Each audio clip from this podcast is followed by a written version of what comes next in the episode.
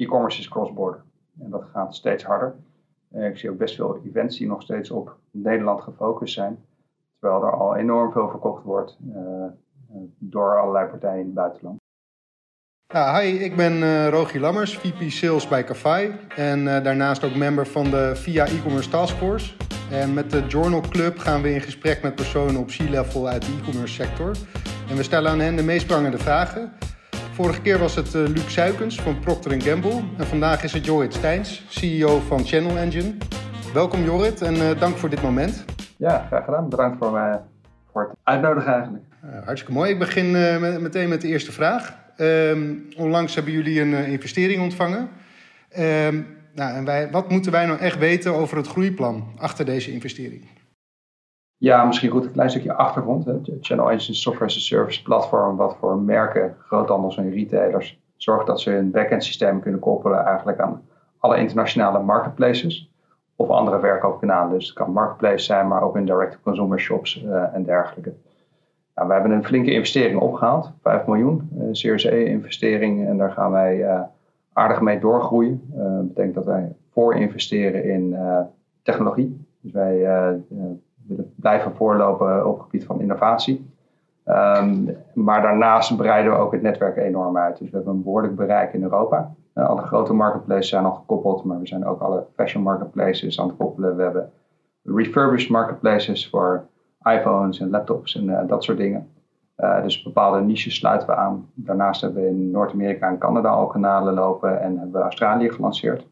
En dit jaar rollen we nog uit in Zuidoost-Azië, Rusland, Midden-Oosten en eind van het jaar Latijns-Amerika. Dus dat betekent dat we in al die continenten de belangrijkste marketplaces gaan aansluiten. Uh, maar ook een heel partnernetwerk bouwen. En dat is ook meteen het haakje naar, naar jullie.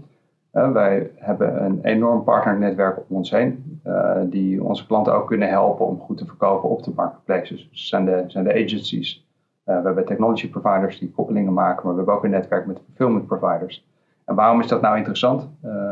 je je voorstellen als je een merk hebt die je cross-border wil gaan verkopen, niet alleen in Europa, maar bijvoorbeeld ook in Amerika of in andere gebieden, dan is het fijn als je één platform hebt waar dan vervolgens een partnernetwerk omheen zit, waar mee je kunt verkopen en alles kunt beheren en optimaliseren. Dus daar zijn we druk mee bezig. Dat uh, heeft natuurlijk wel wat voeten in de aarde om dat ook goed te kunnen doen met aparte regelgeving in, in Rusland, aparte regelgeving in Zuidoost-Azië en dergelijke.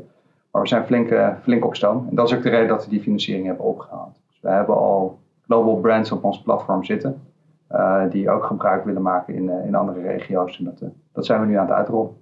En is willen jullie daar dan ook kantoren openen? Uh, niet overal. Um, wij, dus, het zouden heel veel kantoren worden. Maar we zijn wel met uh, een aantal zones bezig om te zorgen dat wij 24-7 support hebben. Uh, ja. dus tech support, hulp bij integraties, customer succes. Um, dus dat zullen we voor de APEC region apart hebben. Er zal veel gedaan worden vanuit ons hoofdkantoor in Leiden. En we zijn aan het opbouwen in de US en de hele Amerika-tijdzone. Dus er komt een kantoor in New York wat geopend wordt. Maar er komt ook een support en customer success hub. En dat hebben we nog niet gedefinieerd waar dat gaat zijn. Maar wel in de tijdzone voor Amerika. Mooie plannen. Ja. En genoeg te doen, denk ik. genoeg, genoeg te doen, ja. Wat is volgens jou de relatie tussen e-commerce en media? Ja, enorm belangrijk. Uh, ik zit zelf al ruim 18 jaar in de, in de e-commerce. Ehm, vroeger was het hele spel natuurlijk een webshop opzetten en dan gevonden worden op Google of goed geplaatst zijn uh, binnen de, de vergelijkingssites. Uiteindelijk als je een webshop hebt en hij wordt niet gevonden, dan verkoop je gewoon helemaal niks. Een stapel folders in het, in het bos heb je niks aan. Maar hetzelfde geldt voor marketplaces. Als je je producten zet op een grote marketplace, zeker Amazon heeft 600 miljoen producten. Ja, als iemand in een categorie jouw producten niet kan vinden, verkoop je nog steeds niks. Dus dat betekent dat je met, uh, nou, goed met media aan de slag moet om te zorgen dat jouw product uh, hoger gaat ranken in de zoekmachines. Hè, makkelijk gevonden kan worden. En daar heb je eigenlijk allerlei mogelijkheden voor. Van, een soort van above-line campaigns om je merk zichtbaar te maken, ook op de marketplace of daarbuiten. Maar ook pay-per-click campaigns. Zorg dat je productpagina's er goed uitzien. Dat is natuurlijk ook een media-uiting. Dus sluit het aan bij hoe mijn merk graag de producten naar voren brengt die hele combinatie. Dus het is enorm belangrijk. Uh, doe je geen goede advertising en uh, brandbuilding, dan verkoop je ook vrij weinig. Doe je dat wel goed, kun je enorm veel verkopen. Ja. Dus zeker op de marketplace waar een enorm bezoek is, dan zie je de mensen die dat goed durven, in het begin flink durven investeren om een product te boosten, ehm, die, uh, die blijven ook veel verkopen. Het grote verschil tussen marketplace en Google is dat als je geld uitgeeft aan pay-per-click advertising en branding op Amazon en je verkoopt daar een hele korte tijd steeds meer, dan gaat je sales velocity omhoog en word je ook organisch beter gevonden. Dus de ranking binnen de zoekmachine van de marketplace wordt beïnvloed door jouw advertising en dat is in Google niet zo. Ja. Dus het biedt ook heel veel kansen. Ja, dus op het platform zelf en, en ook in, in eh, derde media moet je je product onder de aandacht eh, brengen. Ja, absoluut. Ja. En uh, alles begint ook een beetje in elkaar over te lopen. Nu hebben we het over marketplace en zoekmachines. Maar ook social media worden allemaal eigenlijk transactiegebaseerde uh, engines, marketplaces. Dus op Instagram, Instagram, kun je gewoon afrekenen. TikTok is ermee aan het beginnen, et cetera. Dus als je dat niet goed voor elkaar hebt, je media, dan zul je, zal er ook geen transactie volgen. Ja. Dat, dat is ook de reden dat we zo nauw partneren met allerlei agencies. Uh, want wij zorgen voor de motor erachter, de operatie, om te zorgen dat je je producten overal kunt verkopen. En vervolgens kunnen de agencies zorgen dat je ook goed gaat verkopen. Alright, helder. Um, wat is volgens jou de grootste uitdaging in e-commerce in Nederland? Um, ik denk de grootste uitdaging is dat vaak wordt gezegd van uh, wat is de uitdaging binnen Nederland? Uh, e-commerce is cross-border en dat gaat steeds harder. ik zie ook best veel events die nog steeds op Nederland gefocust zijn, terwijl er al enorm veel verkocht wordt eh, door allerlei partijen in het buitenland. En er komen er steeds meer bij. Amazon is natuurlijk Nederland ingekomen. Heeft dit nog niet zo succesvol gedaan, maar begint wat te groeien. Uh, ik weet dat allerlei andere partijen ook hard de kant van Europa opkomen. Denk aan Alibaba met AliExpress, maar ook Alibaba zelf meer voor B2B. zo komen er continu nieuwe partijen, nieuwe marketplaces die omhoog komen.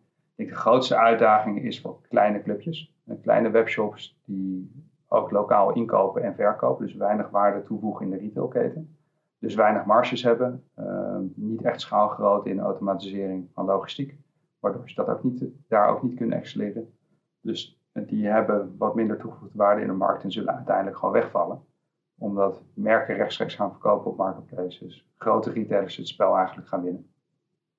En, en wat is dan de uitdaging? Eh, stel, ik heb een webshop eh, in Nederland en, en uh, ik wil ook in het buitenland verkopen als je een webshop in Nederland hebt, überhaupt een webshop hebt, naar Nederlands of in het buitenland, is het wel fijn als je ook een uniek product hebt. Unieke product hebt, je eigen merk hebt.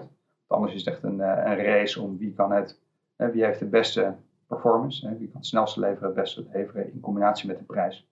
Dus dan moet je in ieder geval een van die drie componenten, of liefst alle drie componenten, goed voor elkaar hebben. Ehm, heb je je eigen producten, ja, dan kun je vrij makkelijk opschalen. Niet alleen in Nederland, maar ook binnen heel Europa, maar ook naar andere continenten. Uh, door gebruik te maken van het fulfillment-netwerk wat er is, hoef je allemaal echt niet zelf te doen. Door gebruik te maken van alle klanten die al op zo'n marketplace zijn. Uh, dus je kunt met uh, vrij weinig producten kun je ook op Amazon gaan verkopen, op Walmart, op allerlei andere platformen. En in Europa zijn er enorm veel. En dat kun je heel succesvol doen. Ja, en, en eigenlijk is het uh, vrij gemakkelijk ook om dat te doen. Het is relatief gemakkelijk, ja. ja. Als je het proces, de eerste stap is het proces goed op orde hebben. Dus naar, naar eindconsument verkopen, heb je dat goed op orde.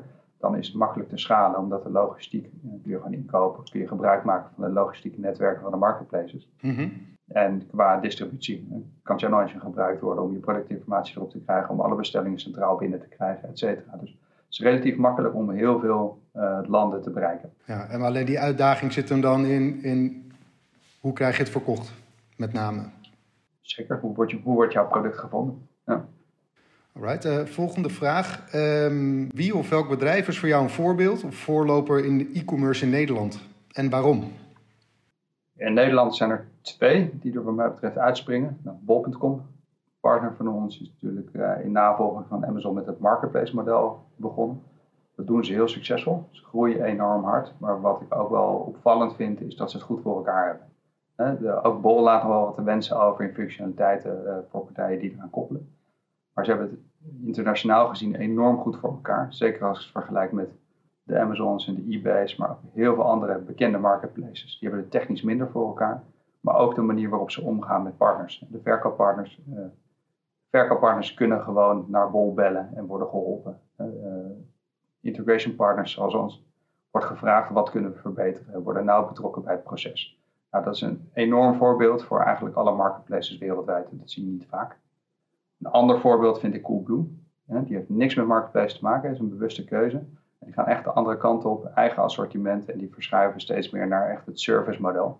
met installatie aan huis en uh, dat soort zaken die door een marketplace niet te doen zijn. Uh, en door kleine shopjes ook niet. Dus dat vind ik heel krachtig hoe ze dat, uh, hoe ze dat doen. Dus die springen er met, met z'n tweeën erg uit. Oké.